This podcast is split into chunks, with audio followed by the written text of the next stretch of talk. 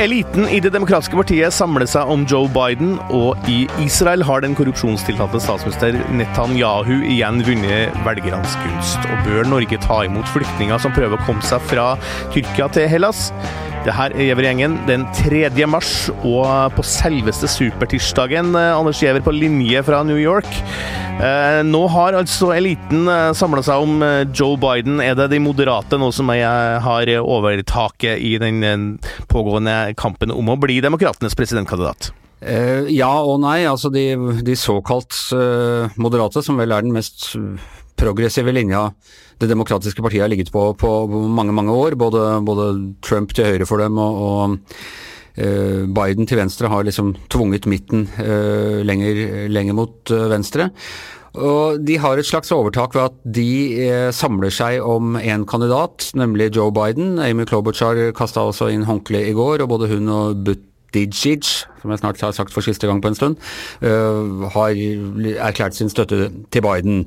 Og så har jo da ikke Elizabeth Warren på sin side, uh, som har små sjanser til å vinne nominasjonen og ikke har fått noen delegater uh, siden, siden, Iowa. Hun har ikke gitt opp, så, så sånn sett så står Sanders uh, alene, uh, eller relativt utsatt. Men han har en ganske suveren uh, ledelse i kandidater, og han ligger veldig godt delegater, og han ligger veldig godt an, ikke minst i California, som er liksom en av de to store delegatpinjataene i Supertirsdag nå i natt. Du utropte jo etter, før South Carolina, der Joe Biden gjorde et veldig, veldig godt valg, at Sanders var stor favoritt. Da Buttigieg trakk seg, så jeg, stilte jeg spørsmålet i går om uh, hvorvidt det var rart at han ikke endorsa Biden, men så gjorde han jo det, da. Det er jo en litt annen dynamikk nå, er det ikke det, enn det var bare så sent som i går? Jo, det er helt klart, og det er, og det er ikke noe tvil om at uh, de såkalt moderate har snakka sammen og, og, kommet til en slags forståelse, og hva, hva som ligger i dette er, er jo ikke Eh, er jo ikke godt godt å si. Vi så hun Susan Rice også eh, var jo ute, ikke sant? Meldte seg på og endorsa Biden. Ja. Uh, og, uh, og hvordan, uh, hvordan, dette da vil, vil, slå ut. Du har jo også Mike Bloomberg, som også er en slags moderat kandidat som ikke har stilt til et eneste valg før nå i natt. Så får se hvordan han spiller, spiller inn på, på, den siden. Men det er klart at Sanders tilhengere nå, de er, og de er ganske lettkrenkbare. de føler at ethvert sånn trekk fra mm, partiledelsens side er, er for å stoppe Sanders, og det, det, føler de veldig nå. Så dette har fyra opp dem ganske godt. Og ah, har Sanders, uh, Bernie Bros, hva noen av dem kalles, og andre Sanders sjøl sa jo også at, at det her er et durabelig forsøk da, på, på, å stoppe vår kampanje. Da. har de et poeng? Er det eliten som rotter seg sammen mot en kandidat som ingen av dem liker? Ja, altså Politikk og valg handler jo om å vinne, så, og, og, for de som ikke ønsker en så hva skal du si, radikal kandidat som uh, Sanders, så, så, er det jo for så vidt uh, Men uh, Klobuchar og Buttigieg og disse er ganske pragmatiske kandidater. De, ser, de så liksom at det nå ble vanskelig å vinne. De fikk ikke det momentumet de, de, hadde håpet på, og da stiller de seg bak den kandidaten som står nærmest dem politisk. Og at det liksom skal være noe konspiratorisk eller, eller, sånn over det, det er jo litt vanskelig å egentlig forstå. Det er Per Olav Ødegaard, du også tidligere, i likhet med Anders, tidligere eh, USA-korrespondent her i VG. Eh, nå går vi inn i et kanskje avrunde, i hvert fall veldig veldig viktig natt her, da. 15 eh, valg i, delstatsvalg i USA. Hva er din hunch før nattens valg? Er det er det Sanders eh, fortsatt, eller er det Joe Biden som nå er i ferd med å bli den kanskje favoritten? Jeg tror helt sikkert uh, begge vil finne noen resultater å glede seg over i natt. Jeg tror Sanders kommer til å gjøre det godt uh, på kysten, og spesielt vest, på vestkysten og California, som er liksom den største prisen av alle. Det, jeg tror Biden kommer til å gjøre det godt i sørstatene, sånn som vi så en, et forsvak på i South Carolina. Han, han har overlegent mest støtte blant en, en veldig viktig velgergruppe for demokrater, nemlig de svarte velgerne. Og så er det spennende å se hvordan det går i Massachusetts, som er Elizabeth Warrens hjemstat. Og hvis hun i det hele tatt skal holde noe hvis hennes kampanje skal noe, ha noen fremtid, så må hun vinne sin egen stat. Eh, eh, Anders, eh, du snakker jo ofte om at Sanders eh, han, han, vil liksom lage Norge i USA. Eh, er det det som er hans profil? Hva, hva, hva, slags, Han kaller seg demokratisk sosialist, men hva, hva slags politiker er egentlig Bernie Sanders? Ja, det, er vel et, det han tar til orde for, er vel et slags sånn sosialdemokrati på amerikansk, men han har altså valgt å å kalle seg uh, sosialist. Han sier at jeg er demokratisk sosialist, og det er et voldsomt bø-ord uh, i amerikansk politikk. Og man gjør det for å liksom sjokke, uh, eller, eller hvorfor han velger akkurat de ordene er litt spesielt. Han gjør jo andre også litt rare ting. denne her Uttalelsen hans om Castro på Cuba for en drøy uke siden, det er jo omtrent å be om at eh, Florida, som er stinn av eksilcubanere som har flykta fra kommunistregimet i, i Cuba, ikke skal eh, stemme på han. Så han har, en, han har, en, ganske sterk provokativ kraft. Det er vel noe av det som gjør at han slår såpass eh, godt an blant unge. Men det de fleste av oss, Per Olav og jeg og alle lurer på, uansett hva vi tenker om Sanders, det er jo hvordan i all verden skal han få til noe av dette her. fordi Resten av eh, Senatet og Kongressen og sånne ting er jo ikke demokratiske sosialister. Og de kommer de ikke til å stemme for den type radikale lovforslag som det eh, Sanders kommer til å legge fram hvis han skulle vinne valget.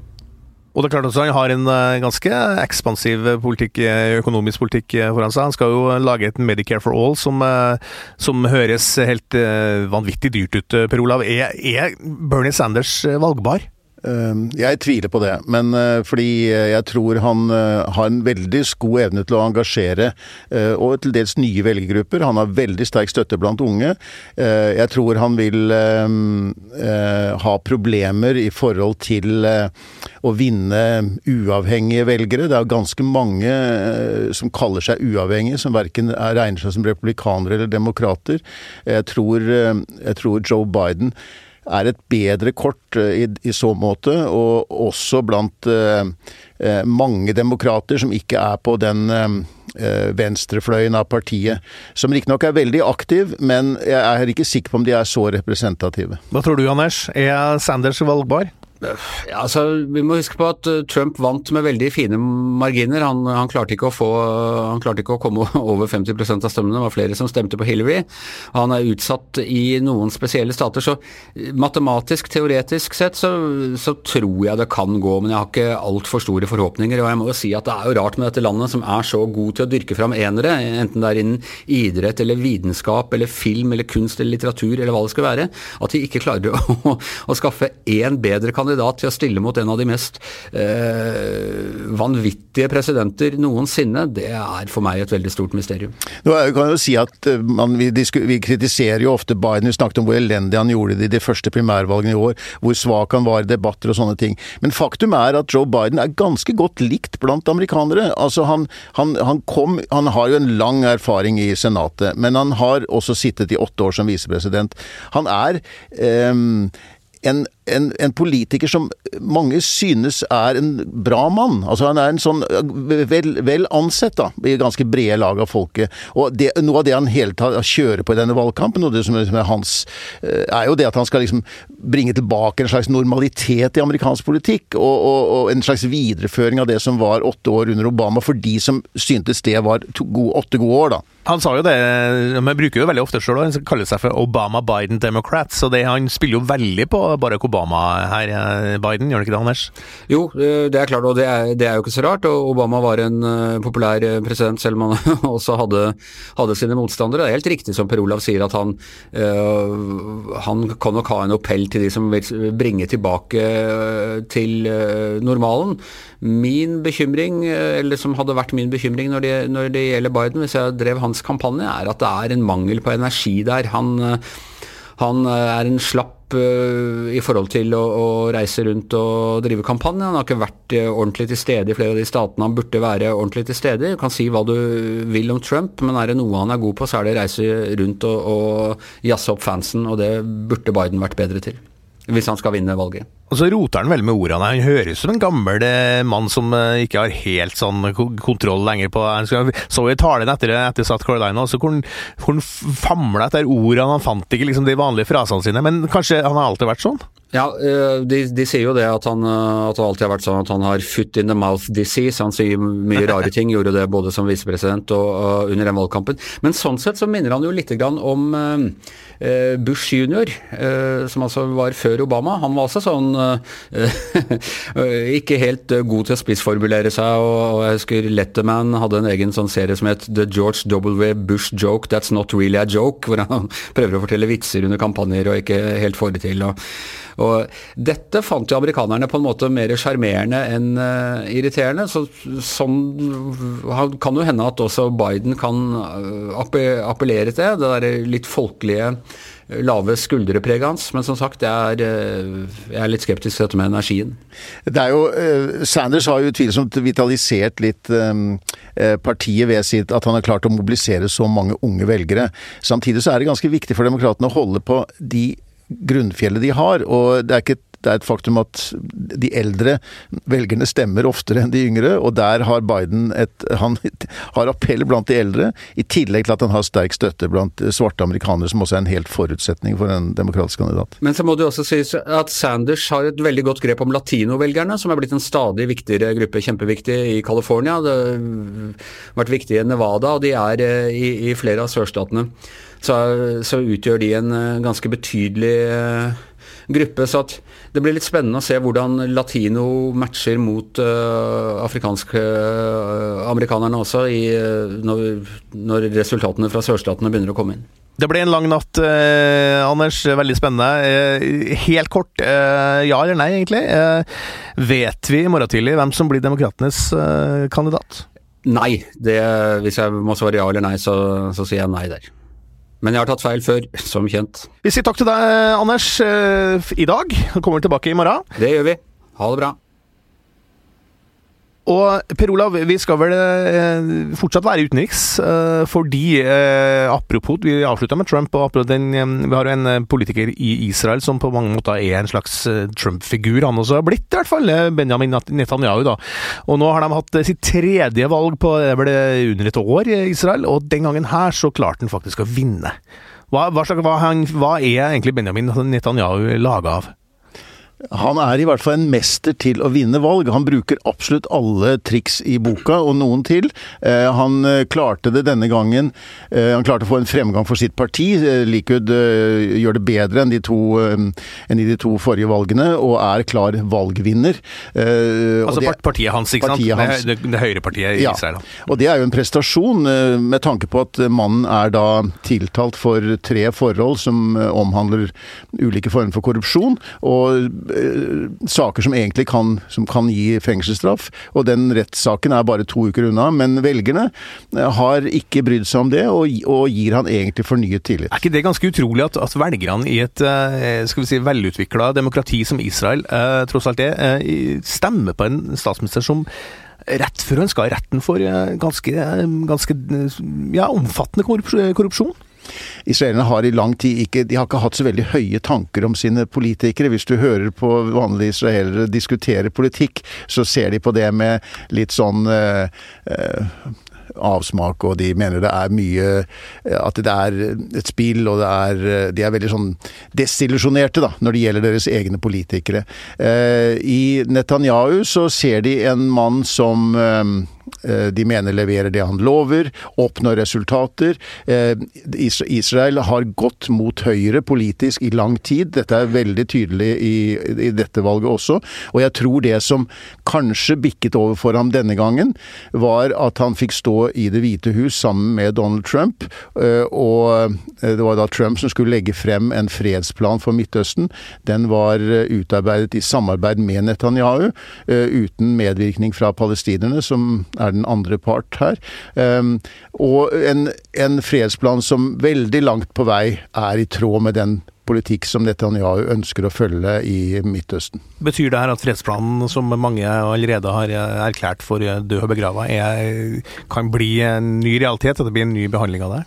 Ja, det ligger jo Han har jo lovet at uh, hvis han får danne en ny regjering nå, så vil han gå inn for å annektere i første omgang uh, Jordandalen, men også uh, store israelske bosetninger på Vestbre, okkupert palestinsk jord på Vestbredden kan også bli annektert. det gjenstår å se hvor, hvor raskt de vil gå frem, og når dette vil skje. Men det, det som i, dette valget i hvert fall viser, er at det har vært et nederlag for de som, som aktivt snakker om en tostatsløsning, og som ønsker å forhandle forhandlinger med, med, med sikte på en tostatsløsning, de har tapt uh, i dette valget her. Men det er vel ikke helt eh, garantert ennå at eh, Netanyahu fortsetter som statsminister. Det er en finopptelling helt på slutten her, og han mangler vel en par seter ennå. Og det kan jo hende at vi ender med en sånn situasjon som med han Liebermann på vippen den gangen her også. Og da kan man jo fort se for seg et fjerdevalg igjen, kanskje? Ja, sånn så Du må jo ha 61 mandater da, i Knesset, nasjonalforsamlingen, for å ha et flertall. Du skal ha et flertall i israelsk politikk. Og han mangler antagelig to sånne mandater nå. Eh, så her er det enten snakk om at du kan få noen avhoppere fra andre partier, eller at du kan få eh, over eh, et, et parti som er på vippen, som tidligere ikke har vært interessert i å sitte i den regjeringen pga. de religiøse ortodokse partiene som allerede er der. Ehm, så det er litt usikkert hvordan dette kan gå til, men han har klart å gå opp når et så godt resultat i valget, skal man ikke utelukke den muligheten. Og så er det det siste som bare nevnes, at det er jo slik at landets president peker på den lederen for det største partiet når man skal danne regjering etter et valg. Men det har heller aldri tidligere skjedd at den lederen, sittende statsminister, er tiltalt for alvorlige ø, kriminelle forhold. Og da er det et juridisk upløyd mark om han egentlig kan be en person i den stillingen danne regjering. For det er ikke noe presedens på noe, på noe? Det er ingen presedens, og, den, uh, og israelsk høyesterett var bedt om å uttale seg om dette, eller hadde det oppe til behandling i januar, og lot, og lot være å konkludere. Kanskje, kanskje, fordi de tenkte at det var uklart hva slags valgresultat de ville få, men nå har de fått det resultatet. Nå er det blitt Så det er på en måte en litt konstitusjonell krise i emning også. Vi skal eh, for så vidt fortsatt være i Midtøsten, men også litt eh, hjemlig, da, fordi eh, det er en, eh, igjen en ganske eh, ja, kritisk flyktningsituasjon på grensa mellom Tyrkia og Hellas, Astrid Mæland. Og du skriver om det til i morgen. Jeg forsto det sånn på deg at du mener at det å ta imot Altså, det, det, det er snakk om veldig mange folk, og det er snakk om ganske ja, forskjellige dystre forhold både på tyrkisk og på gresk side, for så vidt. Men du skriver da, tror jeg, eh, til i morgen at du ikke mener at Norge bør ta imot flyktninger for å løse opp eh, situasjonen på den måten? Eh, jeg vet ikke hva jeg skal skrive helt i morgen ennå, så langt har jeg ikke kommet. Men, men, når det gjelder situasjonen på grensa mellom Tyrkia og Hellas, som er oppe i nord, da, så er jo det en, det som er mest aktuelt nå. Fordi den eh, tyrkiske presidenten Erdogan, eller eh, tyrkiske myndigheter, sa før helga at nå kunne eh, flyktningene som bor, og migrantene som bor i Tyrkia, de kunne fritt passere grensa og gå over Hellas. Og da har masse folk samla seg dit. Jeg lurer på om de til og med har tilbudt busser til grensa. Og øh, i dag så har gresk politi arrestert en del migranter som har prøvd å komme seg over grensa. Det her er jo en øh, del folk som Jeg vet ikke hvor mange det er, men til sammen så har Hellas nesten fire millioner migranter, flyktninger, mener Tyrkia. Og det er altfor mange, selvfølgelig, og det er en vanskelig situasjon. Lett å forstå, men nå virker det som presidenten i Tyrkia bruker de her flyktningene som et slags forhandlingskort i internasjonal politikk, enten for å få mer penger ut av EU for å holde flyktningene i Tyrkia, eller uh, for å få hjelp i krigen mot Syria. Forskjellige spekulasjoner på det. Og de her eh, folka er jo da Eh, ikke nødvendigvis flyktninger. Ikke sikkert de ville fått opphold i Norge. De er fra mange land. Marokko, eh, Bangladesh, Pakistan, Afghanistan, Syria. Eh, folk som ikke nødvendigvis bor i flyktningleirer, men som har bodd i Tyrkia opptil flere år, og som nå eh, ser en mulighet for å komme seg til Europa, som er lett å forstå at de ønsker, men, men det er nok kan hende mer prekære situasjoner andre plasser i verden enn akkurat her. Det er på grensa til, i, i sør, på grensa mellom Syria og Tyrkia. Eh, som, der det finnes en million internt fordrevne syrere fra krigshandlingene lenge sør i Syria. Så er det jo på de greske øyene, Lesbos og Kos osv. Det er jo forferdelige forhold for um, flyktninger av forskjellig nasjonalitet i greske flyktningleirer. Men eh, det, en, eh, det, har jo blitt en debatt hjemme her eh, uansett, da, og Frp og Sylvi Listhaug sier at de vil nekte alle som først har vært i Tyrkia å få asylsøknaden sin behandla i Norge. Mm. mange vil jo kanskje si at det er en veldig sånn at, at, vi får en sånn forferdelig situasjon til å handle om oss sjøl, på en måte.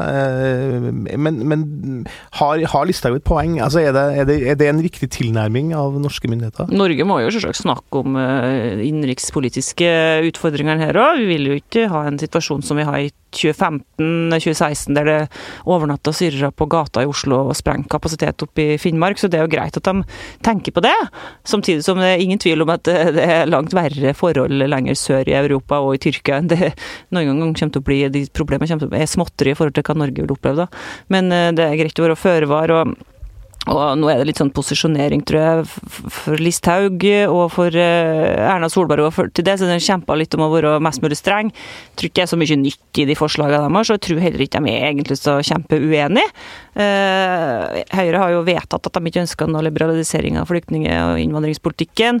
Jeg tror heller ikke Arbeiderpartiet ønsker det. Ja, For der er det helt stille. Arbeiderpartiet sier ingenting om det. Nei, og de har et migrasjonsutvalg som, eh, som, har sagt at de ønsker det samme, de har samme forslaget som Erna Solberg om at man kan returnere asylsøkere, flyktninger, migranter til trygge tredjeland, altså Tyrkia. Og det har vært Ernas posisjon her også? Ja, men når det blir mye diskusjon om Tyrkia her nå, så vet jeg ikke om det er så aktuelt for Norge. Jeg tror ikke det er likt Jeg tror ikke det kommer så mange tyrk, eh, fra Tyrkia til Norge. Det er ikke så lett å komme seg direkte fra, fra Norge til Tyrkia. Det er stengt, det er grensekontroll i Østerrike, i Danmark, i Sverige, i Tyskland har de også signalisert at de ikke schaffen dass den gangen her. Det er ikke noe velkommen til Tyskland i det hele tatt.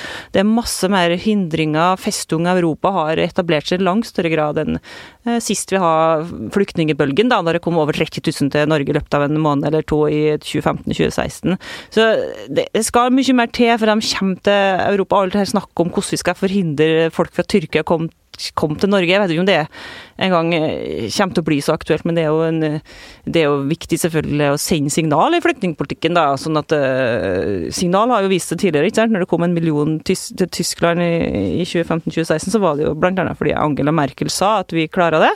Og nå igjen så står flyktningene og migrantene på grensa til Hellas med skilt der de sier at uh, Angela Merkel hjelper oss. Jeg, jeg, tror jo at eh, president Erdogan Tyrkia bruker denne situasjonen ganske kynisk. Han eh, har jo fått en avtale Det ble gjort en, inngått en avtale i, i 2016 med Europa som innebar eh, at Tyrkia mottar milliardstøtte for eh, å hjelpe flyktningene der de er, som Frp gjerne sier. Det er mulig at han ønsker å få mer penger fra Europa, for det er klart Tyrkia har et stort eh, indre har et stort, eh, stor flyktningbefolkning. Eh, men de har jo også vært med på å skape noe av den situasjonen selv ved sin krigføring mot kurderne bl.a. I, i Syria. Og det kan også være et trikk, en, en måte også å få ryggdekning for den krigføringen som, selv, som Tyrkia også driver i, i, i, Syria. Så jeg må jo si at i tillegg til det, det regimet i i Syria, uh, Assad-regimet og Russland har også sin, sitt ansvar for at den, den store flyktningkatastrofen her Mange av disse som nå prøver å ta seg over, har nok vært i Tyrkia i mange år, og som du sier kommer fra mange ulike nasjonaliteter. Mange har allerede kommet til Hellas, og vi har jo en pågående Selv før dette Skulle du skjedde, si det, det, det vi ser, altså Leirene på Lesbos og på Kios Det er jo desperate situasjoner. På, altså i, innenfor Schengen-grensen, mm. altså i Hellas allerede. Og, og ingen vil jo ta imot, ingen vil avhjelpe nei, det. Og dette er, en, dette er jo noe som virkelig krever et felles europeisk løft, altså innenfor EU og også innenfor Schengen. Men det virker jo helt dødt. Det, virker jo ingen, det er jo ingen som tar noe initiativ av det lenger. Det, det, det, er eventuelt snakk om noe pengehjelp, men det er ingen som vil ta imot uh, flyktninger lenger. Nei, og da blir det, da blir det eh, da i dette tilfellet Hellas som får en, uh, får en altfor stor byrde å skulle bære dette og løse dette, disse problemene på egen hånd. Så det, er, det krever jo en solidaritet internt i EU og i Europa for å, å løse det problemet vi allerede har. Og så må man antagelig gå inn i nye forhandlinger med Tyrkia Tyrkia. Som kan skje innenrikspolitisk, hvis vi skal være så snevre og snakke om det, så kan det jo hende at eh, situasjonen på, på grensa oppe i nord der nå eskalerer, og det blir voldelig, og det blir stygge bilder som kommer eh, i verdensmedia. og Det kan jo øke presset mot Europa, mot Tyskland, mot eh, norske, norske politikere. Mot å ta imot en, ja, en begrensa gruppe eller noe sånt. Da, som, det kan jo skje selvfølgelig fra Hellas, da. Men det vil jo heller være noen andre tenker jeg, enn dem som står på grensa oppe i nord der. Det er i hvert fall mye som tyder på at vi ikke får en, i hvert fall, eh, den helt samme situasjonen som i 2015, da, eh, som jo var, eh, bidro til å endre politiske stemninger kanskje ganske mye i Europa. Eh, Merkel har jo sagt det nå, at, hun, at det var en tabbe å si det der. Og en av de tingene som skjedde, var jo at AFD, Alternativ for Deutschland, mm. altså høyreradikale krefter, vokste enormt på meningsmålingene. Ja, og det bidro også kanskje til stemningsendring i Storbritannia også, som kunne som førte kanskje til brexit. Det var i hvert fall veldig mye som den eh, brexit-sida satsa på uh, i sin argumentasjon, at vi var redd for flyktninger som strømmer da innover uh, våre europeiske breddegrader. Vi runder av der. Uh, I studio i dag Astrid Mæland, Per Olav Ødegaard og Niklas Haspen Sjøli. Og fra USA var da altså Anders Gjerne. Produsent Magne Antonsen. Vi høres i morgen.